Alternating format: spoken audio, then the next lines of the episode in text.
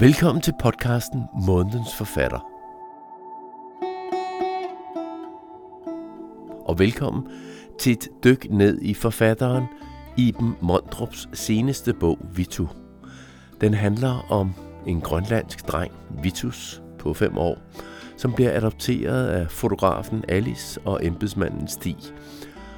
Vitus kommer med ar på sjælen, og hans adoptivmor Alice har en drøm om at gøre en forskel. Hun knytter sig meget hurtigt til drengen i en blanding af omsorg og fotografisk leg. Hun er jo fotograf. Og den leg udvikler sig og bliver til et psykologisk spil om kærligheden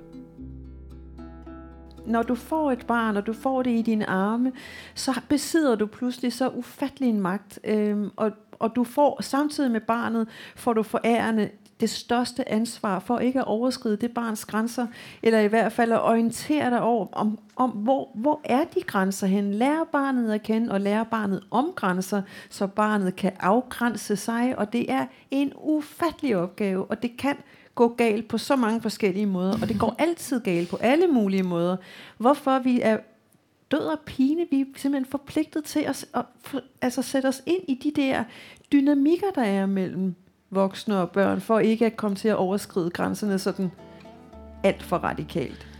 Siger Iben Mondrup, forfatter til bogen Vittu, der udkom i januar 2022. Og du lytter til en podcast fra Københavns Biblioteker. Jeg hedder Claus Vitus, og selvom jeg hedder det samme som hovedpersonen i den roman, som den næste times tid handler om, så har jeg altså ikke nogen forbindelse til romanen. Det handler ikke om mig, og jeg har heller ingen forbindelse til forfatteren ellers. Denne podcast er baseret nemlig på det månedlige arrangement på Københavns Hovedbibliotek, som hedder Månedens Forfatter.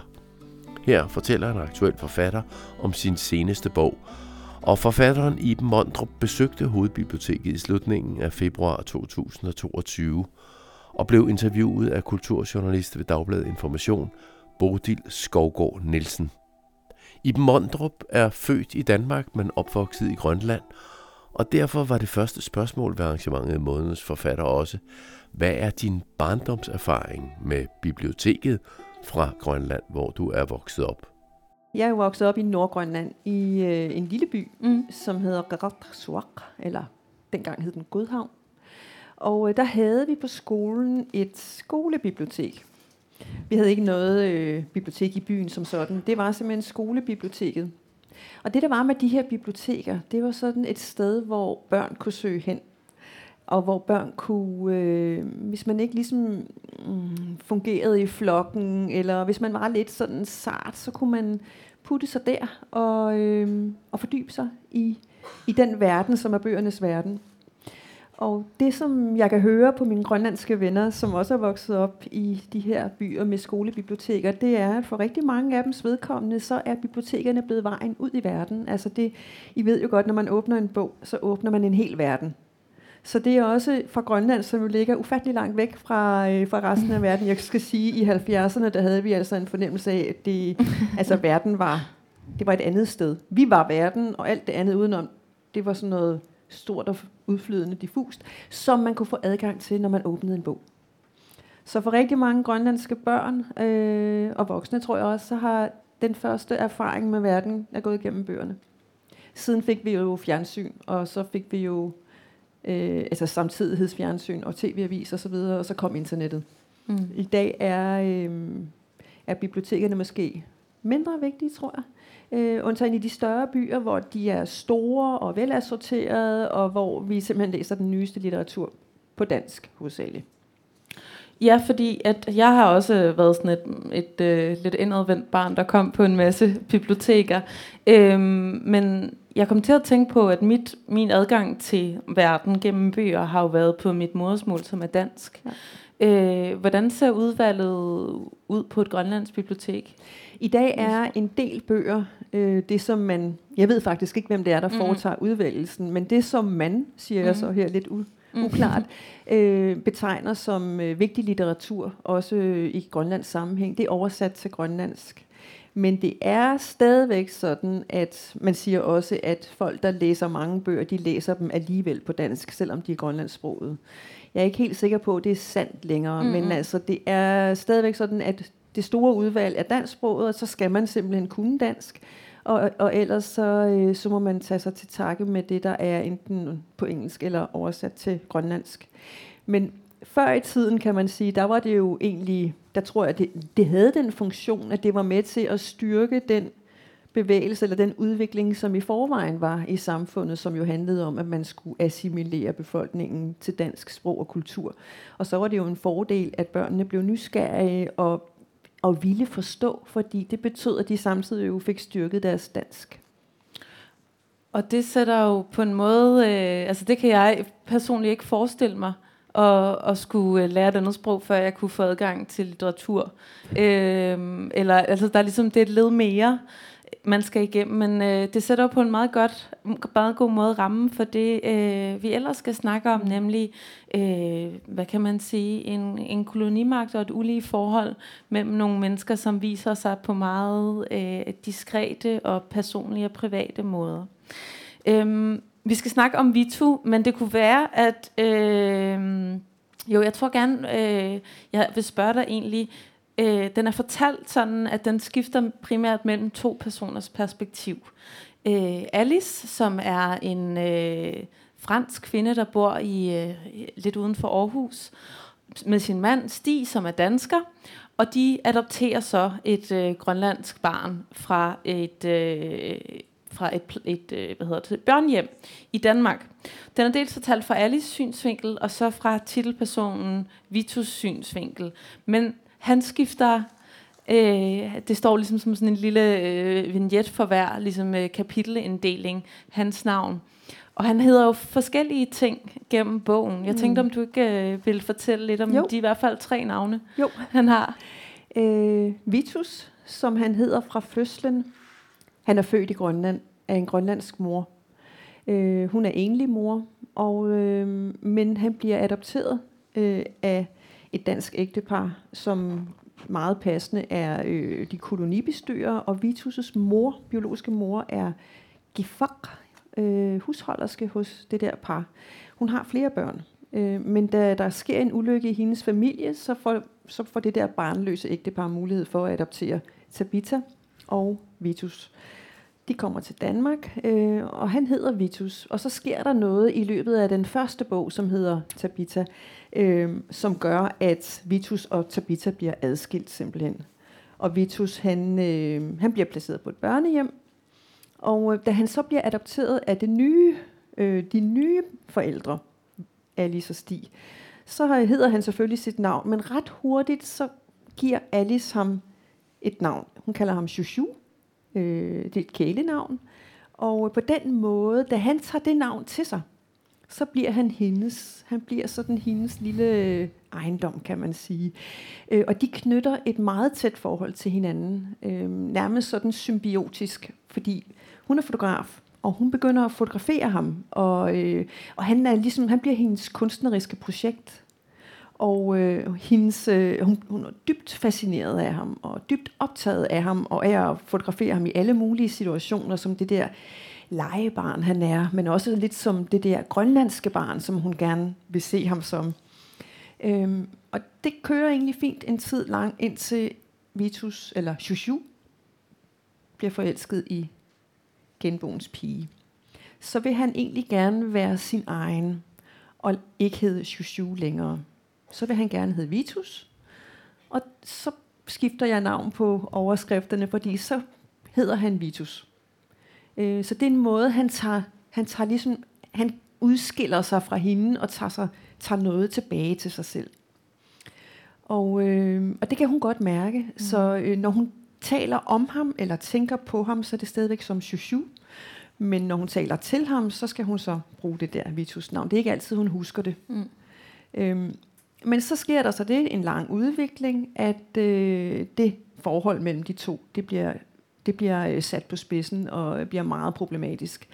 Og til sidst så, øh, så stikker han simpelthen af og vender tilbage til Grønland, hvor han... Øh, men jamen, man, jeg, jeg tror, man sådan siger sådan lidt klichéfyldt, han skal finde sig selv. Ja. Ikke? Men det har han også brug for. Det har han brug for. Netop et par navneskifte ja. og et par familier. Ja. Hvis der er nogen, der har ret til, til den kliché, så tror jeg, det er ham. Ja. Og der kommer han til at være Vittu, fordi Vittu er Vitus på grønlandsk. Og Vittu er det navn, han ligesom, det er den, han ligesom bliver der, og det navn, han tager til sig der, som han tager til sig. Og derfor hedder bogen Vittu, for det er Vittus bog. Øhm, ja, så derfor der er der det der skift, og det i virkeligheden så handler det jo også om det, som vi jo gør også i andre sammenhænge, når vi eller i hvert fald har haft tradition for, når vi adopterer børn transnationalt. De kommer mm. ligesom en, med en pakke, som er en historie, og så giver man dem et nyt navn, det har man i hvert fald gjort, øh, og en ny historie nærmest. Ikke? Fordi så starter vi ligesom på en, en ren tavle. Øh, men spørgsmålet er, det er jo også det, som mm. bogen her handler om, kan man det? Og øh, der er også noget, altså da jeg læste den, så havde jeg også den oplevelse af, hvor, hvor meget han også som et lille væsen trakter efter sådan en moderkærlighed, der går altså, det, han har været hos Alice og Stig i meget kort tid, før han selv opfatter sig som chouchou. Ja. Øh, og, det, og det var sådan et chok for mig at læse det der, men sådan er børn jo vil gerne knytte sig, knytte sig til nogen og elske sig nogen og være nogens. Øh, og, øh, og det er så måske nogle andres ansvar at sørge for, at det foregår på en ordentlig måde. Men der er også den der barnets længsel efter at høre til øh, hos nogen og høre ja. til i et navn og, øh, og dermed også et sted. Øhm, det kunne være, at øh, du også øh, lige vil fortælle lidt om, hvad, øh, hvad baggrunden for Tabita og Victus øh, historier er. Vi kender efterhånden, øh, tror jeg, historien om øh, de eksperimentbørn, øh, som jeg tror, det bliver kaldt, ja. der blev sendt til Danmark, som, som sådan, taget for deres børn, og sådan blev sendt til Danmark og skulle, skulle øh, lære dansk, og så være nogle gode ambassadører hjemme i Grønland igen. Men øh, de her romaner handler jo også om øh, noget, der er blevet afdækket senere øh, end det, om de mange adoptioner af grønlandske børn til, til øh, danske forældre, som er foregået mere, øh, mindre statskontrolleret, mere under radaren. Ja, øh, i, i virkeligheden så var min ambition, da jeg skrev Tabita, at ville skrive om nogle af de mange grønlandske børn, der har været på skoleophold i Danmark. Mm. Men jeg kom ret hurtigt ind i det felt, som var adoptionsfeltet, fordi nogle af de børn viste sig ikke at komme tilbage til Grønland, mm. fordi de blev adopteret af deres danske plejeforældre. Øhm, og da jeg så gravede lidt i det felt, så, øhm, så viste det sig nemlig, at det faktisk drejede sig om ret mange børn. Og ret hurtigt fik jeg kontakt mm. til nogle af dem, som er voksne. Men jeg fik også kontakt til Line Våben, mm. som er journalist på Information, og som har skrevet en stor artikelserie netop om nogle af de her voksne børn, men også om, hun har faktisk interviewet den tidligere socialdirektør fra Grønland, ja. øh, som fortæller om, hvordan det her det faktisk foregik. Og øh, i hans udlægning, men også i børnenes udlægning, så har det altså været et område op igennem 70'erne, hvor et 250-300 børn er blevet bortadopteret til danske familier, øh, og øh, på mere eller mindre gennemskuelige grundlag. Og indimellem har der også været tale om det, man ville kunne kalde næsten tyveri. Mm. Der er i hvert fald nogle historier som ham, der hedder Alfred, ved Alfred Dam, som er mm. den tidligere socialdirektør, som han fortæller, som er, hvordan han simpelthen er nødt til at ringe øh, til, ud til, til helligporten og sige, I, I skal simpelthen gå ind. Der sidder en mand inde i flyet en overlæge med et mm. barn på skødet, og det barn, det er ikke hans, det skal mm. ikke med. Mm. Men han var så glad for det barn, mm. og han kunne give det barn en helt utrolig god opvækst, men det var bare ikke hans barn. Mm. Øhm, så sådan nogle historier findes der. Øhm, og siden har jeg jo også hørt historier om, hvordan øh, de her børn, som så er blevet adopteret og kommer med til Danmark, bliver fortalt, at de for eksempel er blevet købt for en pakke cigaretter, ja. eller, eller hvad det nu kan være. Øhm, og det er klart, som romanforfatter, og som det menneske, jeg er, som er vokset op i Grønland i denne her tidsperiode, så er jeg jo, så bliver jeg jo, hvad kan man sige, for det første indineret, mm. øh, og for det andet, så bliver min, øh, min, min skriveløst, den bliver aktiveret. Og, øh, og så tænker jeg, jeg er simpelthen nødt til at undersøge det her ja. felt, og nødt til at fortælle sådan en historie, fordi jeg kunne godt mærke, når jeg snakkede med andre om det, sådan, at det er ikke noget, folk rigtig ved noget om her i landet. Og øh, ikke bare ved vi ikke noget om, at sådan nogle ting foregik, men vi har faktisk et syn på det grønlandsdanske forhold, som øh, på mange måder så lidt er i vores favør. Vi har stadigvæk den der øh, forestilling om os som, øh, hvad kan man sige, moderland, at vi var sådan den gode, den, den gode nation, som kom og reddede grønlænderne. Og, øh, og den historie, synes jeg, den, den, øh, den trængte til nogle, altså til nogle flere øh, øh, rum, hvor lige netop sådan noget her også kan fortælles. Ja. Fordi man kan sagtens have en god historie om, at man har gjort noget godt, men at man også i det, man vil gøre noget godt, kommer til at gøre noget skidt. Altså det kan vi godt. Øh, det findes.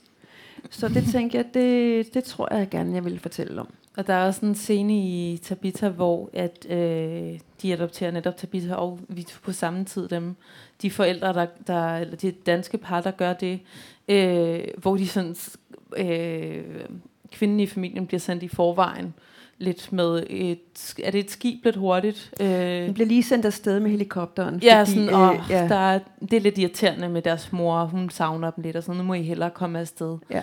Øh, og det bliver fremstillet sådan øh, i romanen, som at, at øh, det er også bedst for børn, at de skal ikke se deres mor lide, og nu, nu kommer vi bare afsted. Mm. Øh, som er, er det, der også er det rystende ved at læse om de her historier, fordi vi faktisk får de der godhedsrationaler, som de her øh, adoptivforældre laver for sig selv. Og det handler øh, i hvert fald i mine øjne meget øh, om den måde, du også skriver på og fortæller på. Øhm, for du skriver for de her ret, ret voldsomme perspektiver af folk, der der måske vil øh, det gode, og i mange tilfælde tror, de gør det gode, og eller og eller er ret bevidste om, at de ikke gør det gode, men øh, arbejder hårdt på at overbevise sig selv om, mm. at det er det gode, de gør. Øhm, hvordan, hvordan er det at, at skulle skrive den slags retfærdiggørelser for sig selv? Hvordan arbejder du med det? Øhm, jeg synes noget af det mest interessante, det er, hvordan vi som mennesker øh, kan bilde os, altså kan nå frem ja. til, at det vi gør, det er i orden. Ja. Selvom, altså de fleste mennesker har egentlig en ret god fornemmelse af deres egen moral, men, øh, men det kan alligevel lykkes os sådan at at snakke os selv til ro på en måde, så vi kan komme til ligesom at overskride vores egen moral i højere eller, eller i større eller mindre grad, fordi der er noget, vi gerne vil have. Øhm, og lige netop de der øh, diskussioner, som man kan have med sig selv, synes jeg er utrolig interessante. Ja. Og, øhm, og, den, og det er det, jeg dykker ind i i min, i min litteratur. Øhm, for jeg tror ikke på, at nogle mennesker altså, ligesom kan... Øh, kan hæve, jo det godt hæve det, men jeg, jeg tror simpelthen ikke på, at nogle mennesker øh, er indbegrebet af, øh, af gode, for eksempel. Mm. Øh, de er heller ikke indbegrebet af det dårlige. Men øh, vi er jo komplekse mennesker. Og det jeg gør i mine bøger, det, og det er derfor jeg skriver fra flere synsvinkler, det er simpelthen, at jeg går helt ind i hovedet på mine fortællere, og så, øh, så får man som læser indblik i netop, hvad er det for nogle overvejelser, der ligger her? Hvad er det for nogle for og imod, som, gør, som ligger til grund for de beslutninger, der bliver taget, og de handlinger, der bliver gjort? Og i og med, at jeg skifter synsvinkel, så får, er vi altså også inde i hovederne på dem, som det går ud over eller dem, som øh, drager fordel af mm. de beslutninger, som de andre tager. Og det vil sige, at vi får meget sådan, vi får sådan en, en følelse af, øh, vi lever med. Mm. Og det kan godt være mm. rigtig hårdt. Ja. Det kan faktisk være meget ubehageligt, fordi... Øh, Man jamen, bliver jo også nødt til at sætte sig i... Altså, øh, det, man kan fornemme ret hurtigt i Vito, er også, at der, der foregår et overgreb Øh, og der er noget med den her mor-søn-relation, de har, som øh, går for langt, alt for langt, øh, over alle grænser. Men øh, man er jo også med netop, øh, men det, den tankeøvelse, jeg tænker, at du må have skulle lave et eller andet sted, det er jo at være inde i krænkerens hoved og sige, hvordan får jeg det her til at lyde som en god idé? Ja. Altså, det er især svært. ja. Det er utrolig svært, men jeg lover jer, at det er det vildeste, man kan slippe afsted med som ja. menneske. Fordi det, altså det, som der sker, når folk læser bogen, og de fortæller mig om deres oplevelse mm. af at læse den, det er, der går faktisk ret lang tid, før de tænker, det er jo ikke i orden det her. Ja. Men, øh, og den der lange tid, der går, øh, der har det faktisk ikke på noget tidspunkt været i orden. Mm. Men, men, vi, men vi er med, fordi, nå ja, ja det er selvfølgelig rigtigt. Ikke? Øhm, ja, så man kan slippe afsted med utrolige ting. Ja. Øhm, og, det, og det synes jeg er dybt interessant, fordi, fordi jeg synes, vi som mennesker er forpligtet til at, altså faktisk at gøre os, at bevidstgøre os om, altså at gøre os klart, hvad det er, vi også selv går med til, når vi siger ja til ting, mm. øh, som vi godt kan mærke måske ikke er helt i orden. Øh, hvor langt skal nu, altså en, en smerte, hvor, hvor, hvor langt skal den smerte væk fra vores krop, før vi ikke kan mærke den, så vi kan gå med til at at mm. påføre andre den smerte. Ikke? Altså, det er også et spørgsmål, jeg er interesseret i. Ikke? Øhm, og det kan vi faktisk kun finde ud af, hvis vi prøver at gå med. Mm. Altså selv skal foretage de valg sammen med dem, vi læser om. Og det er jo heller ikke sådan en, øh, noget, der sker fra det ene øjeblik til det andet, eller det er jo sådan en grænse, der langsomt forsvinder. Ja. Eller det er ikke nogen, der sådan lige pludselig er på den gode side, så hopper over på den anden side. Det der er sådan er ret øh, hårdrejsende ved læseoplevelsen er, hvor, netop som du siger, hvor lang tid der går, før man opdager, at, øh, at noget er galt. Øh, tro, tror du, at Alice godt ved, at øh, hun overskrider grænser? Mm. Ja, men ja. det der er med Alice, det er, at Alice har så utrolig stort brug for at blive elsket. Ja. Og hun har så stort brug for ikke at blive forladt. Og hun, øh, at hun er kommet til at betragte sig selv og den her dreng, hun har fået i sin varetægt, som lige. Mm. Altså, de har et venskab. De har ja. et, en tæt relation. Og det, hun øh, svigter fra første færd, det er det ansvar som, øh, som voksen, mm. og det mm. ansvar som værve og som mor, som aldrig kan være lige med det barn, som hun har fået. Ja. Øhm, så, men, men, men den, kan man sige, den ligestilling eller sidestilling mellem de to, foretager hun, fordi hun har brug for at smelte sammen med et andet menneske, for at føle, at hun har kærlighed. Øh, hun har givetvis en svigthistorie selv. Hun er blevet svigtet, ligesom Vitus er blevet mm. svigtet mm. på en eller anden måde. Vi ved ikke hvordan, for det fortæller jeg ikke, mm. men jeg kommer med nogle antydninger. Øhm, og derfor så øh, er hun øh, tvunget til øh, af en indre drift simpelthen at holde fast i ham, koste hvad det vil. Ikke? Og det gør hun på forskellige vis. Hun gør det der, som er så utrolig farligt, og som kan være så svært at gennemskue. Øh, og det er, at hun henholdsvis øh, forguder ham og fortæller ham, at han mm. er den eneste ene og særlig udvalgt. Hun har valgt ham blandt andre børn også. Og, men når han ligesom gerne vil noget selv, og, så, og hun føler sig udelukket, så er hun kold. Altså, så, så viser hun ham, altså så holder hun tilbage på sin kærlighed. Og det er noget af det værste, man kan gøre for, mm. over for børn, der er blevet svigtet, fordi inden i hans bevidsthed, der handler det om, at nu bliver han forladt igen. Og det er hans traume, det er, at han er blevet forladt flere gange jo. Ikke? Han kommer med en kæmpe kuffert fyldt af sorg. Mm. Øhm, og hun viser ham, at kærlighed er betinget, ikke? Øh. Ja, præcis. Og det, øh, det forstår han. Mm. Han, er, han forstår det godt. Mm. Og det er det, der bliver problemet, fordi, øh, fordi han forstår det, øh, så kan han heller ikke rive sig løs af det, og så går han med til den overskridelse igen og igen, selvom at det ødelægger ham. Ja. Og det er helt den der dynamik, som jeg synes er enormt interessant også, også når vi taler om krænkelser blandt voksne. Mm. Øh, når der er øh, magtforhold, som er ulige, så ser vi nogle gange også, at den, som er underhunden, faktisk kommer til at opsøge krænkelsen selv. Ja. Øh, og det kan være ufattelig svært at gennemskue og forstå. Og det er derfor, jeg tror, det er så vigtigt, at vi ser det fra begge vinkler, fordi mm. så ser vi, hvad det er for en dynamik, der er tale om, og hvorfor det er så farligt, det der øh, felt.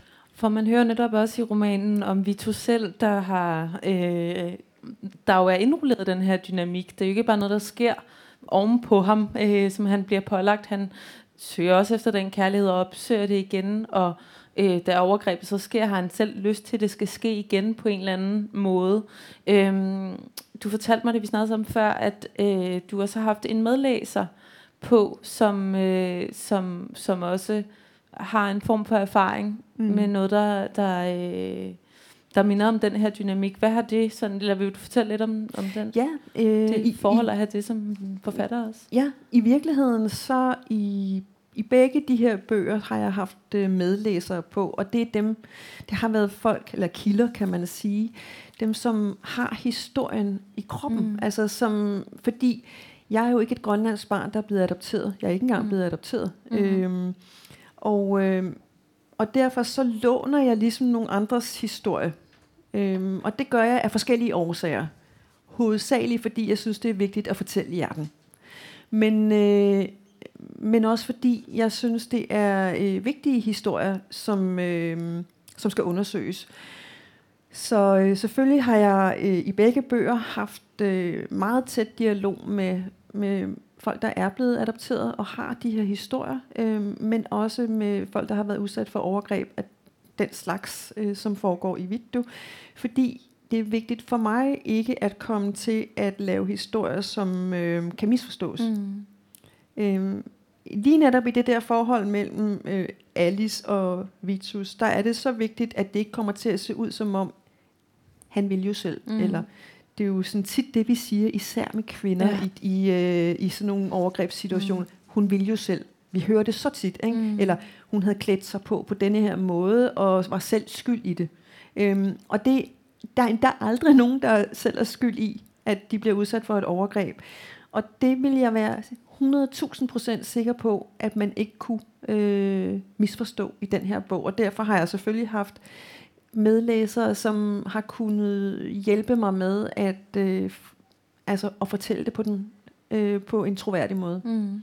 Giver det mening? Ja, det giver rigtig god mening. Jeg tænkte også på lidt i samme tråd, øh, som du selv siger, du ikke er blevet adopteret heller selv. Øh, man snakker også meget i vores tid, synes jeg, om hvem der må skrive hvis historie, øh, hvem har ret til nogle andres historie.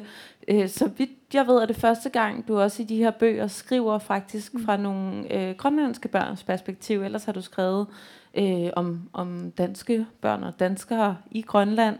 Øh, hvad har du gjort af, af, af overvejelser om det? Øh, hjemme i mit øh, stille sind, det er ikke særlig stille, mit sind, det er simpelthen frygtelig kaotisk nogle gange. Men derinde, der har jeg en konstant diskussion kørende mm. med mig selv, om det egentlig er i orden. Og hvorfor det er i orden, nu vi taler om øh, ja. at ligesom få retfærdigt gjort, jamen på den ene side og på den ja. anden side, jeg har et arsenal af argumenter for, at det er i orden. Men nedenunder, der ligger hele tiden tvivlen og skuer og siger, altså, men så har det der, så har mit rationale, øh, det har vundet. Mm. Altså, at jeg synes, det er vigtigt at fortælle historierne. Mm. Øhm, så, så sådan, mit svar må være, at jeg er ikke overbevist, mm. men jeg har gjort det, og jeg står inden for det. Mm. Og, jeg, og jeg vedkender mig, at jeg er fuld af tvivl. Og det er jo, jeg tænker også, et tidligere dit forfatterskab har du også beskæftiget dig med, med øh, din egen families historie om en, øh, en besættelsestid og nogle traumer derfra, eller i hvert fald noget historie, der er blevet fortidet mm. og ikke sagt særlig højt. Øhm, og som jo også, når man fortæller sin egen historie, fortæller man jo ikke kun sin egen historie, i hvert fald ikke, hvis den skal handle om, om øh, mere end en selv kun. Øhm, der er jo også noget med, jeg tænker, der også har været en tavshedskultur om, om de forhold, der som du beskriver i de her romaner. Er, er der simpelthen nogle emner, som, som øh, er blevet fortidet så længe, at nu gælder det simpelthen om at få dem frem? Mm, ja, altså jeg tror i hvert fald, at de øh, adoptionshistorier, som er foretaget eller foregået i 70'erne, mm. det er jo ved at være en god tid siden, og de er i hvert fald, det er jo ikke kun mig, der fortæller dem. Mm det viser sig jo netop, at da jeg begynder at skrive, så bup, bup, bup, så dukker der alle mulige op, som, som også beskæftiger sig med emnet. Så der er også noget med, at øh, et emne, eller ja, de her historier skal have en tid til at modne, og så er der pludselig plads til at fortælle dem mm. på behørig afstand. Øh, jeg tror, det er meget svært at fortælle om noget, som er akut her og nu. Ja. Så man skal ligesom have den der øh, ja, behørige afstand, mm. tror jeg, vi kan kalde det. Men jeg vil lige drage mm. en, eller knytte mm. en kommentar til det der, du siger med at, øh, at skrive andres historier. Mm. Hvem er det? Hvem har ret til at skrive hvad? Øhm, I sagen om, om de grønlandske børn, men også om Grønland i det hele taget, og Grønland Danmark, der er det jo ekstra penibelt, fordi, ja. fordi vi jo igennem historien øh, har set, at Grønland er jo blevet fortalt om af øh, europæere, Mm. Altså næsten altid, og det er jo først inden for de senere år, at vi har fået ordentligt blik for øh, betydningen af, at simpelthen tige og lade nogle andre fortælle ja. historien. Øh, øh, og, det, så, og det kan man sige, det er en fuldstændig legitim kritik at komme med og sige, åh, nu er der endnu en dansker, der skriver om os. Og jeg kan godt forstå, det, det må være åh, virkelig mm. træls. Mm. Ikke? Øhm, men, og, men, og, og når man møder det synspunkt, så er det jo fordi, det har en, der er jo en grund til det. Der er en grund til, ja. at vi kan rette den kritik. Ja. Og som også er, altså, er en kritik, man kunne sige, hvorfor skal vi endnu engang høre overgrebs, den person, der begår et overgrebs historie? Øh, eller sådan, hvad, øh, har vi ikke hørt det nok? Det ville også være en kritik, man kunne rette. Ikke? Nu skal mm. vi høre om dem, det er gået ud over. Men øh, noget, jeg, øh, noget, der er lidt i samme tråd, det er jo også det her med at gøre nogen til øh, kunst, mm. som øh, er sådan et tema, der går igen i Vitus, som handler om, at Alice er kunstfotograf, og øh, på et tidspunkt også udstiller nogle billeder af barnet, som... Øh, eller af Vitus som barn, der kravler rundt og er halvnøgen og sådan i en skov. Og på et tidspunkt så udstiller hun dem her Øh, og så spejler hun sig i sådan en reaktion, hun har fået fra, fra en, der besøger den her udstilling, som hun tænker, om den her kvinde synes ikke, at det var grænseoverskridende. Hun kunne godt se, at det var kunst. Og så med det ord, det er kunst, kan man ligesom legitimere enormt meget. Mm. Øhm, du spiller også på... Øhm, på nogle fotografer, i hvert fald en, som jeg har været ret optaget af, som øh, er den amerikanske fotograf øh, Sally Mann, som har taget nogle ret vilde billeder i øh, de sådan noget fra sydstaterne, mest i 1990'erne, hvis nok, mm. af sin egen familie og af øh, hendes egne børn, der har klædt sig ud i voksentøj, øh, og er sådan lige på grænsen før pubertet, eller er nøgne øh, mm. på alle mulige måder, som børn jo er, men hvor i hvert fald mit blik automatisk kaster dem som små lolitager. Mm. Og øh, og de var også sådan nogle skandalebilleder, der blev øh, sådan, øh, råbt vagt i gevær om. Øh, og som, som jeg tror, altså jeg, jeg tror også, du kender hendes, øh, hendes øh, virke bedre, end jeg gør, men som jeg umiddelbart vil forsvare, fordi det ikke handler om barnet, men, men mit blik. Mm. Men, øh, men det, den her bog behandler, blandt andet, det er jo, hvordan det så er at være det der barn, så nogle andre kunne blive opmærksom på deres egne grænseoverskridelser mm. over. Øhm, jeg tænkte faktisk, om du ikke vil... Øh, har du ikke en god passage, du vil læse op? Lige fra, øh, fra et tidspunkt, hvor hun fotograferer Vito jo, på. det kan du tro. Fordi øh, der er ingen tvivl om, at hun, hun objektgør ham jo. Mm. Og som man kan sige, som Grønland jo er blevet objektgjort mm. gennem århundreder. Ja. Men her er det bare helt konkret, det er det barnet, hun objektgør. Hun, øh, ja, hun er gået i gang med at fotografere ham, og hun står ude i atelieret, og han er blevet stillet op på en sokkel.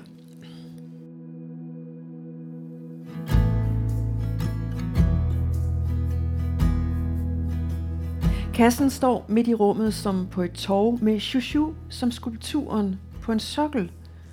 Hun kan gå hele vejen rundt og se på kroppens former, musklernes strukturer, lemmernes indbyrdes målestoksforhold og betragte overfladen og måden huden reflekterer lyset fra vinduet på, eller fra lamperne, hvis det er dem, hun vil bruge.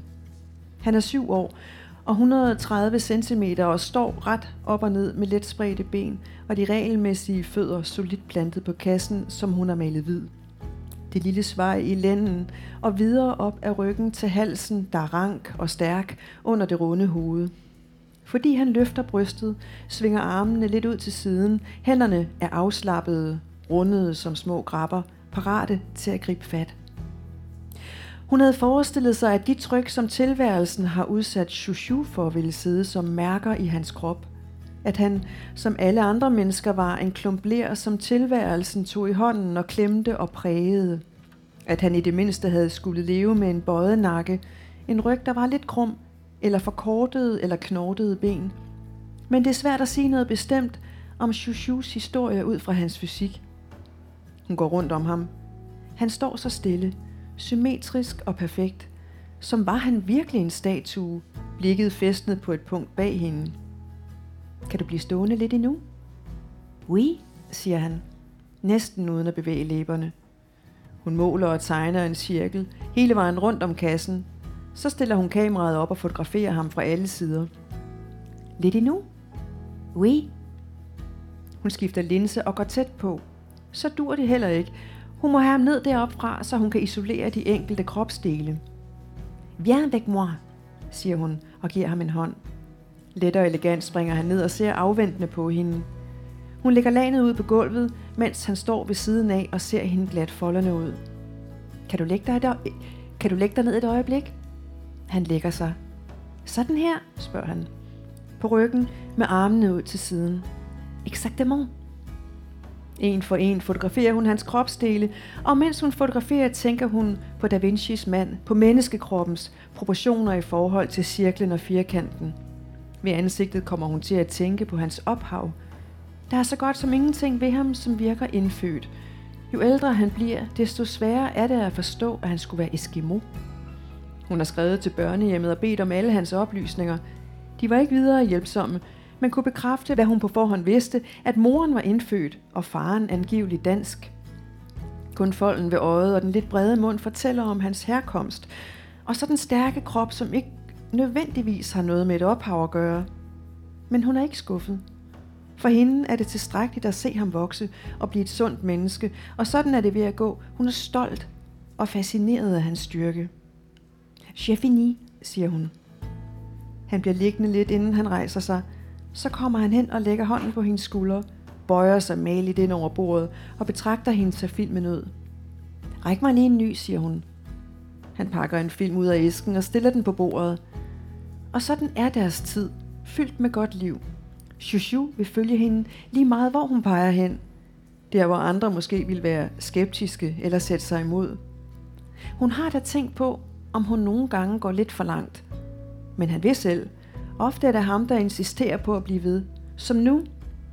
Skal vi snart ud i skoven, maman? Det er svært at sige nej.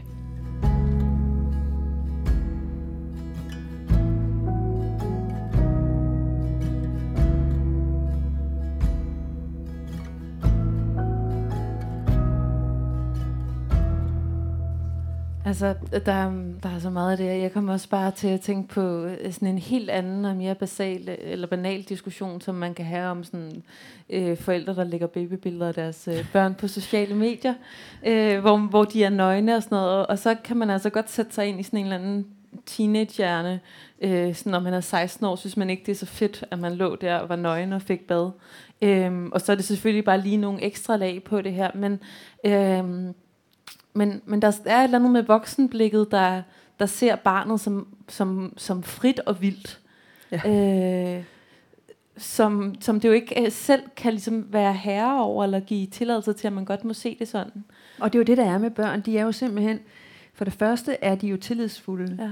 De tror på, hvad du siger, men og på den måde er de jo totalt prisgivet Mm. øh, dine, dine handlinger.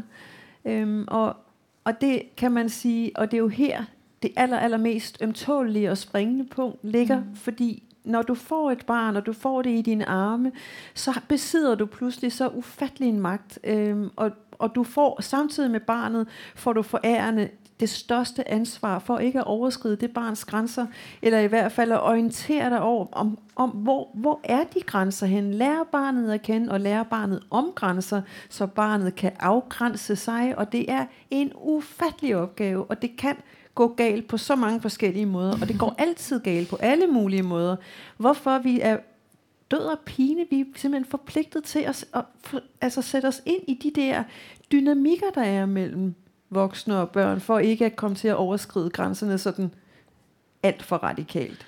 Jeg siger ikke, at vi alle sammen er i fare for at gå hen Nej, i nej. overgrebsmænd overhovedet. nej, nej. Men altså, Men Der er Ja. også noget med, at børn øh, har, vi to har jo også en seksualitet, og det har børn jo, og det er øh, noget af det, der kan sådan være, være sådan værst som voksen menneske, altså at skulle begribe eller skulle forholde sig til, fordi at, øh, at det kan føles så forkert at skulle tænke, øh, at de også, eller sådan, det er så svært at, øh, for, at forholde sig til, hvad i alverden betyder det, at de også øh, knupper sig op af et ben, eller, eller hvad børn nu gør. Øhm, og øh, vi talte for eksempel om øh, den bog, der hedder Samtykket af Vanessa Springora, som er en fransk bog, der udkom forrige år, som handler om en forlægger. Øh, hun er voksen nu og kigger tilbage på sin barndom, hvor hun blev havde et, altså blev misbrugt af en ældre forfatter, havde et forhold til ham halvt. Og det er sådan en roman, der også skildrer sådan en grooming-proces, vil man nok kalde det, altså hvordan han bliver, hun bliver øh, forført og lukket ind til det her, men der er også noget med, at hun, hun føler selv også, hun har lyst til det. Og sådan er der også øh, og, altså alle sådan nogle gråzoner i, øh, i den her roman. Og sådan en tanke om, at børn de er, de er frie, og de gør det rigtigt, de følger deres instinkter. Øh, kan godt nok også gå for langt nogle gange. Ja, men det er jo, og det er jo fordi børn er, øh, de går de vil gå meget langt for ikke at miste det, de har, altså kærlighed og tilhørsforhold. Øhm, og, og, og børn har ikke, at, ja, børn er naturlige, mm. øh, og de, men, men hele barndommen går jo ud på, at, at, at barnet skal støde ind i grænser, og skal kunne forstå øh, sig selv i forhold til verden, og man lærer kun at forstå sig selv og sit, øh, sit eget driftsliv, når det møder en grænse. Mm. Og hvis den grænse ikke sættes af den voksne, så... Øh, jamen så er det, at barnet mister orienteringen. Og det er derfor, det er så utrolig farligt ikke at ville anerkende eller se børn som dem, der også øh, hvad kan man sige, søger grænsen med kroppen. Mm. Øhm, fordi hvis vi bliver bange for det, og jeg kan godt forstå, at man er bange for det, fordi det er jo forvirrende. Altså, mm. børn det er ubehageligt og, også at læse om. Altså, jamen det er jo simpelthen, ja. øh, men, men, øh, men der er det bare, at vi er nødt til som voksne at sige, det her foregår. Øh, og det skal ikke foregå mellem voksne og børn, eller øh, øh, børn, barns, barnets driftsliv, det, det skal barnet have lov at have, men det skal foregå øh, mellem børn eller barnet selv. Øhm, og hvis man ikke som voksen tør at sætte sig igennem der, så overlader man faktisk til barnet selv at prøve at finde ud af, hvad det her er for noget. Mm. Men også, man, man risikerer at overlade til barnet, altså den, øh, hvad kan man sige, skamfølelse, der er ved ja. at øh, have nogle øh, drifter, som, som er forkerte. Og det, og det synes jeg altid ikke, vi kan være bekendt. Hvordan har det været øh, at skrive de her tidspunkter, hvor, hvor vi to også har haft, øh, hvad kan man sige, søgt de her grænser, eller hvad vi skal kalde mm. det, at, hvad... Det er enormt ensomt. Ja. Det er enormt ensomt, ja. fordi når jeg har skulle skrive om Vittu, så skriver jeg om et barn, som er, øh, og som bliver en ung mand, som er dybt ensom, ja. og som prøver på alle mulige måder, øh, med ord, med kroppen, med adfærd, at, øh, at blive sikker på, at han hører til. Og, øh, men, men han møder altså, han møder ikke en mur, han møder et, øh, et, et underligt, utydeligt felt, som er Alice. Ikke? Mm. Så ja, det er, jeg vil sige, det at skulle skrive hans historie, det er at skrive en meget, meget ensom historie om et barn, der får lov at fare vild. I, øh, og, og et barn, som også kommer til at føle sig dybt forkert, mm. fordi han gør det, men, men han har ikke nogen voksne til at hjælpe sig. Øhm, og, det, og det er hans katastrofe, kan man sige. Mm. Ikke? Så det eneste, den eneste vej, der er for ham ud af det der, det er ved at gå. Ja, og så gå til noget, hvor han heller ikke engang rigtig hører hjemme. Øh, ja. Eller kan sproget, ikke? Øh, da han kommer tilbage til Grønland, mm. for eksempel. Som også er... Øh, bare sådan hjerteskærende, at, øh, at, at på en måde få, have fået udvisket sit ophav, mm. på den måde ikke at høre til nogen steder. Jeg tror øh, rigtig mange adopterede, mm. men måske ikke kun adopterede øh, mennesker, som på en eller anden måde er blevet frataget øh, eller som ikke har haft mulighed for at være for eksempel i deres hjemland, eller det sted, som de betragter som et hjemsted, de får på et tidspunkt en, trang til at, øh, at rejse tilbage, øh, rejse væk til et sted, hvor de forestiller sig, at tilhørsforholdet bor, og de kan finde hjem, altså finde mm. hjem. Men nogle mennesker har ligesom den der hjemløshed med sig, og spørgsmålet er netop, hvad sker der så, når man kommer derhen, hvor man tror, man er hjemme? Øhm, og det det er et enormt godt spørgsmål. Ja. Øh, og det er det spørgsmål, som jeg, som jeg også ønsker at åbne med den her bog. Fordi det hjem, som Vitus har fået i Danmark, og som han har fået hos de her familier, det har ikke været et hjem. Mm. Øh, spørgsmålet er, om Grønland bliver hjem for ham. Øh, eller spørgsmålet er, hvad er hjem? Om Mm. det er de mennesker, han omgiver sig med, der bliver hjem. Mm. Øh, det sker nemlig for nogle mennesker, at hjemstedet kommer til at bo i relationer. Øh, jeg pynser på at skrive en træer, Uh. Ja. som handler om netop det. det, ikke? det synes jeg, du skal gøre. For at undersøge netop ja. det. Altså, er der faktisk et hjem? Og hvad er et hjem? Øhm, ja. Ja. Det, det er hermed en opfordring videregivet. øhm, hvis du nu netop skriver en træer, øh, så skal vi jo have noget at læse, mens vi venter på den. Og jeg kunne godt tænke, øh, der, jeg har sådan stusset meget over både min karriere og mit liv som læser, over hvor få grønlandske romaner, digtsamlinger og alt muligt andet, jeg har læst. Nu har Nivia Corneliusen øh, vundet Nordisk Råds litteraturpris sidste år for øh, Blomsterdalen. Øh, og der er også sådan i grønlandsk øh, kunst, øh, som jeg også sådan blev med i, har hende, der hed Pia Arke, efterhånden fået sådan en revival. Øhm, og så har, har jeg været meget optaget af en øh, kunstner og digter, der hedder Jessie Kleman, øhm, som du også har skrevet en monografi om. Men det var ligesom sådan øh, tre, jeg kunne. Ikke? Det er godt nok ikke meget. Mm-hmm. Øhm, jeg kunne godt tænke mig at spørge dig, øh, hvad skal man læse fra Grønland, og hvor i alverden skal man øh, kigge hen for at finde de historier? Jeg tror, man skal bruge øh, Google. Ja. ja. Så skal man google grønlandsk litteratur. Mm. Øh, og så, der er jo ikke skrevet voldsomt mange bøger. Mm. Øh, Hans Lynge, som også var maler, har et meget stort, eller et meget vigtigt forfatterskab, som, øh, øh, som er meget, meget fint, som giver et indblik i sådan forståelsen af overgangen, for eksempel Mm. fra åndetro til kristendom, og øh, forståelsen i overgangen fra øh, det traditionelle samfund til det moderne mm. samfund. Øhm, men ellers så har du jo faktisk nævnt stort Ja. set, hvad der er. Øhm, ja, men Google vil jeg sige. Og, Der er så, også og så er der bare ja. så en ting, jeg også godt vil Ja. sige, fordi jeg bliver tit ligesom stillet ja. det her spørgsmål, øh, og, jeg, og jeg har slet ikke noget imod at komme med anbefalinger, men jeg tænker også, at og det skal være en opfordring til biblioteket, Mm. at øh, prøv en gang at kigge øh, på, hvad der er af grønlandske forfattere, og så få dem ind og fortælle om deres bøger. For eksempel den her digtsamling, som Jessie Kleman jo har skrevet, Arcticos Dolores, som øh, udkom sidste år i november, tror jeg det var, og som du anmeldte Ja. ja. rigtig, rigtig fint på Information. Øhm, hun er et super spændende menneske, ja. øh, og hun er en spændende forfatter og performancekunstner, og hun kunne også godt sidde i den her stol og fortælle om sit arbejde. Øh, Så det jeg egentlig savner, det er ligesom, at den grønlandske litteratur og den grønlandske kunst kommer ud af den kontekst, som er, øh, hvad kan man sige, øh, som er øh, grønlandsk eller eksotisk. Ja. Så vi ikke skal ud på Nordatlantens brygge nødvendigvis Ja. for at se den eller høre den. Men at den simpelthen bare er inde på vores biblioteker, Mm. øh, for, hvor den jo hører til. Og det, dem, der man spørger om grønlandske erfaringer, ikke øh, nødvendigvis kun er, nu vil jeg ikke sabotere hele din, øh, din, din foredragsturné, men af dig og Kim Leine, øh, som dem, der kan udtale sig Ja. om, øh, om grønlandske forhold, Ja. øh, og som bliver hyldet vidt og bredt med, med rette, men, øh, men der er også sådan et eller andet ubevidst tik om Ja. i baghjernen, for hvem går man til. Det er... Øh, det, altså, om det er om det er kvalitet eller ubevidsthed, det er nok en, en, en blanding, øh, nogle gange i hvert fald. jamen, ja, hvor- ja. Altså, hvor det er også bare vane. Ja. Det er simpelthen øh, det er vane. Og så tror jeg også, at mange øh, publikummer faktisk godt kan lide at få fortalt om noget, som øh, er nogen, som de, kan, som de genkender. Mm.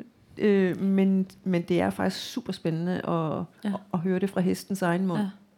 Og jeg vil i hvert fald også anbefale alle øh, den her digtsamling, som er skrevet på tre sprog, nogle gange også sådan nærmest fire-fem andre sprog, der blander latin og fra, latinsk og fransk, som er en helt anden måde at læse øh, digte på, end jeg er vant til, fordi de er også enormt grafiske. Man mærker den en visuel impuls. Altså, der er sådan noget med siderne, der spejles over hinanden, som, som man nok ikke kan se på afstand her, men som øh, i hvert fald også er en, er en anbefaling. Mm. Men ellers så er. Nivea jo Ja. ja. øh, super, og jeg ved også, Ja. ja. hun holder foredrag. Problemet Ja. ja. med Nivea, og problemet med mange andre grønlandske kunstnere, det er jo, at de bor i Grønland. Ja. Og der, det er sådan, man kan, man Ja. kan ikke lige booke dem Nej. til et foredrag.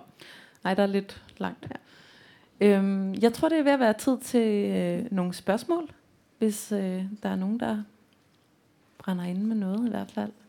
Jamen det er fordi, vi øh, sad og, vi har, vi har begge to læst begge bøger, mm-hmm. og øh, vi vil godt, øh, godt tænke os, at du vil sige noget om det her med øh, den maske, Vito mm. han øh, bærer. Ja, det vil jeg i hvert fald. Øh, da, da Vito han først, eller da Vitus først kommer til Alice og Stig, der har han, øh, der har han mistet sit sprog. Altså han kan næsten ikke tale. Og øh, det, altså, ordene sidder fast i munden på ham, og alt er fremmed. Og jeg tænker bare, hold da op, man er lige fem år gammel, og så havner man bare et sted, og man starter helt fra scratch. Men det, der så sker, det er, at han får lov til at vælge et stykke legetøj, og så vælger han en hundemaske. Og da han får masken på, så kan han pludselig tale. Så kan han pludselig så kan han øh, være sig selv inden bag. Han kan, på, han kan tage den der identitet, og hunden er mere modig, end han er. Og øh, der har jeg været lidt inspireret af, sådan en, af teaterverdenen, hvor man jo har en hel genre, som er det der med at arbejde med masker. At man kan føle som menneske en, en stor frihed bag en maske. Øhm, og det, det, det han gør, det bliver hans øh, vej ind i den i den leg eller det forhold til Alice, øh, hvor, han kan, ligesom, hvor han kan komme til at sige nogle ting og gøre nogle ting, så længe han har masken på. Problemet er så, at Stig synes, det er meget underligt. Han, han kan jo ikke se drengen, og det er jo det, der er hele, det, det, hele, det, det der er hele meningen. Han kan jo ikke se drengen, så han kan forstå ham jo. Øhm, så derfor så skal den maske selvfølgelig af, og selvfølgelig skal den det på et tidspunkt, men den kommer af på en lidt sådan hård måde, kan man sige. Ikke? Øhm, så Ja, så masken er sådan en slags overgangsobjekt, ligesom man kunne forestille sig en sutteklud. Eller, altså, børn har brug for nogle gange sådan noget ekstern, som giver dem tryghed, så de lige kan glemme en lille smule, at de er, er bange. Giver det mening? Godt. Og så, hvis jeg også, må jeg også lige sige noget? ja. så jeg kommer også til at tænke på, at jeg nemlig læste det, eller jeg kan bare genkende mig selv enormt meget i sådan at være et generet barn, fordi det der er så fascinerende ved bogen i mine øjne er også, at de, der er det her koloniale forhold mellem Alice og Vitu, eller sådan det her ulige magtforhold og adoptiv, og hvem vil gerne egentlig bare have en ven, og hvem har brug for at være nogens søn. Øhm, men de har også enormt meget personlighed. Altså, han er også bare en lidt generet, lidt legesyg, lidt fantasifuld dreng. Altså, øh, det her er ikke en roman, som reducerer folk til deres Nej. ophav. Øhm, og øh, det, er jo, det er jo sådan noget, man, man godt kan glemme øh, nogle gange i de her snakke om. Så kan det blive til, til hvem man er med to, to streg face, under facit, og hvad kommer man fra. Øh, og det for mig var den der maske sådan et øh, enormt fint tegn på indadvendthed og fantasi, og hvad mm. siger en hund så, hvordan leger man med den. Mm. Øh, som man alle mennesker har deres egne små særtræk, som er, er vigtigt at huske i den samtale. Mm. Det er så fint. Det var i hvert fald sådan, øh, jeg var også med masken. Flere spørgsmål derude? I skal ikke holde jer tilbage. Ja. Du siger ganske vist, at øh, den er selvstændig, Vitus her. Men nu har jeg fået den her for 8-14 dage siden, fordi jeg skulle anmelde den til sådan noget internt. Øh, og jeg har læst den, og jeg synes, der er så meget i den, som jeg stiller spørgsmålstegn ved, og tænker, jamen det vil jeg nok have fået at vide i Tabita. Der vil mm. jeg have haft noget med mig. Fordi, nu siger du, du skriver en træer.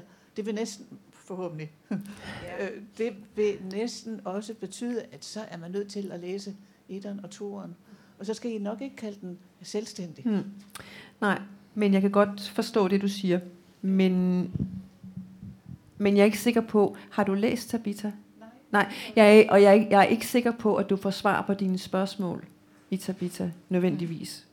Nej, fordi altså, mm, der er i sædvanligvis i alle mine bøger en hel masse, man ikke får at vide. så, og, ja, det er en, ja. Men det er klart, at øh, når man læser begge bøger, så er der jo så, så vokser historien jo bare Ja. Jeg synes især, det var svært, da jeg kom til... Nu har vi lige fået det der med ulvemasken, og ja. det var godt. Øhm, men jeg synes især, den sidste fjerdedel, femtedel, hvor han kommer til Grønland, mm. øhm, der har jeg en fornemmelse af, at der mangler man virkelig noget fra nummer et. Mm. Ja. Er, er det rigtigt, eller er det Nej. bare... Nej, det, det er faktisk ikke rigtigt. Fordi Det han kommer rigtigt. til et for ham helt fremmed sted. Og vi Ja. aner ikke, hvem de her mennesker er. Vi møder dem først der.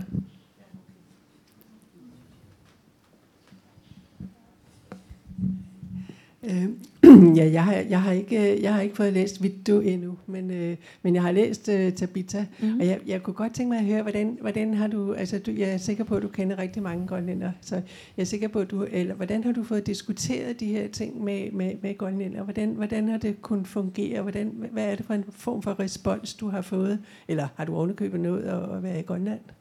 Og Øh. diskutere det lidt? Altså diskutere emnerne, tænker du? Ja, n- ja, altså både det, altså det der med de der, mange af de der adoptioner mm. i citationstegn, og, og mange af de øh, problematikker, som du stiller op, som jeg jo selv, som også selv er vokset op i Grønland, Mm. øh, kender, øh, som, som, som noget af det, man kender på, på, på, på, for alle de mange historier, man har hørt. Ikke? Men, øh, men øh, hvordan, øh, hvordan har folk øh, re- reageret på det? Ikke? Altså, nu snakker du først kun om det der med, at du er dansk, og du, du fortæller en grønlandsk historie, eller en historie fra mm. Grønland. Ikke? Men, men hvordan, hvordan, øh, hvordan, hvordan har folk reageret på noget af det, du har fortalt, og på at den, at den, den, den afdækning af hele de, af, af de der mange historier? Øh, jeg var så heldig at blive inviteret til Nuuk øh, på en festival i oktober, november sidste år. Nuuk Nordic øh, Festival. Culture, et eller andet. Og fik mulighed for på biblioteket at øh, holde foredrag sammen med øh, rektoren for, fra Elisimatusofik, øh, det grønlandske øh, øh universitet, Gitte Reimer. Og hun har forsket i adoption og slægtsfølelse i Grønland og lavet en stor Ph.D. i 2010 om netop det her emne. Og øh, det fede var at sidde og øh, sammen med hende, som har den faglige viden, og som, øh, og som kender problematikkerne fra empirien. Øh, og jeg sidder så øh, på den anden side og har, har fantasien og har skrevet de her øh, ikke virkelige fortællinger, men fortællinger, som er stærkt inspireret af virkeligheden. Og øh, det gode var at få mulighed for ligesom at tale om, hvad kan de her forskellige vidensformer. Øh, former. og, øh, og det, som jeg har tænkt rigtig meget over siden, det er, at Gitte Reimer, hun har en kæmpe viden, som ikke kommer ud, fordi fordi meget ofte i forskning, så, øh, så, så sparer vi lidt på formidlingsdelen. Og det vil sige, øh, den viden, som de har ude på universitetet, og som, øh, den kommer bare ikke ud til folk. Hvorimod litteraturen, den kan, den kan jo simpelthen brede sig øh, som en steppebrand simpelthen. Ikke? Og rigtig mange har læst øh, mine bøger i Grønland, og øh, ved nu øh, noget om emnet fra dem, og, øh, og fik så mulighed for netop at, at få det der, altså den der tunge faktaviden nedenunder øh, i det møde mellem mig og så mm. Gitte Reimer. Ikke? Det er en kæmpe tilfredsstillelse. Og øhm, i hvert fald for mig som forfatter. Og det, det, så de to fagområder kan give rigtig meget til hinanden. Øhm, men folk har modtaget mine bøger rigtig godt i Grønland. Rigtig, rigtig godt. Ingen negative reaktioner faktisk. Ikke nogen, der er kommet mig for øre, heldigvis. Det fortjener de bestemt også. Tak. Jeg tror godt, vi kan nå. Godt nu et enkelt spørgsmål Ja. mere. Ja. Jeg kunne godt tænke mig at høre dig fortælle lidt om veninden Holly. Hun er jo en, en sjov, underlig lille pige, og hvad har hun været igennem, og hvordan er hendes forhold til omgivelserne, og Alice er jo jaloux på hende, fordi Mm. hun vader bare lige ind i køkkenet, eller i hendes atelier, og så videre. Og, og det er jo en sjov trekant øh, ja. fornemmelse, vi har der. Holly er genboens datter, hun er enebarn, og hun er også en sportspige. Hun er sådan en, der nok bliver pæset en lille smule, og som, øh, men som er meget, øh, hun, har, hun er en meget øh, selvstændig pige, og som ved, hvad hun vil have, og øh, hun vil gerne have Vitus, hun vil gerne have ham som ven, og så vil hun gerne have ham som kæreste, så hun er sådan en primus motor i deres forhold. Han er dybt fascineret af hende, og forelsket i hende, fordi hun bare slår værmøller, og bare, hun er bare helt fantastisk. Ikke? Men hun er nok også en lidt ensom pige, fordi hun er enebarn, og, øhm, og har jo kun Vitus. Men hun er også en normalt, et normalt barn, som ikke øh, har de store udfordringer på hjemmefronten. Og som får et sundt og godt liv. Og øh, så... Men jeg er meget, meget glad for hende, fordi hun har den der, øh, hun føler sig fri.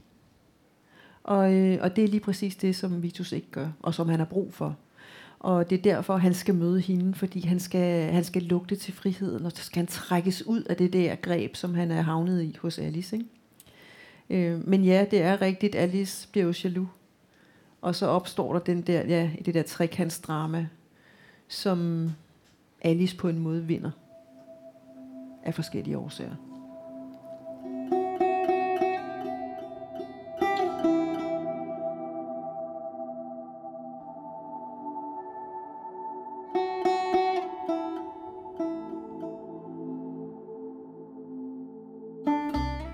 Du har lyttet til podcasten Månedens Forfatter om Iben Mondrup og ikke mindst hendes bog, som udkom i januar 2022, Vitu, og som handler om Vitus, og som altså ikke har nogen forbindelse til mig, selvom jeg hedder Claus Vitus.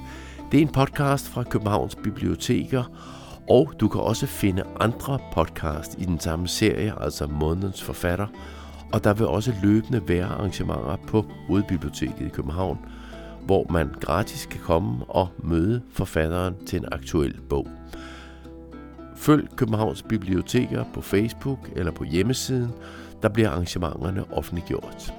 Arrangementerne er skabt af Tanne Søndertoft og Ellen Engerslev, og musikken i den podcast var It's Been So Long og Mountain Air af Cody Francis. På gensyn på Hovedbiblioteket eller på genhør i endnu en podcast fra Københavns Biblioteker.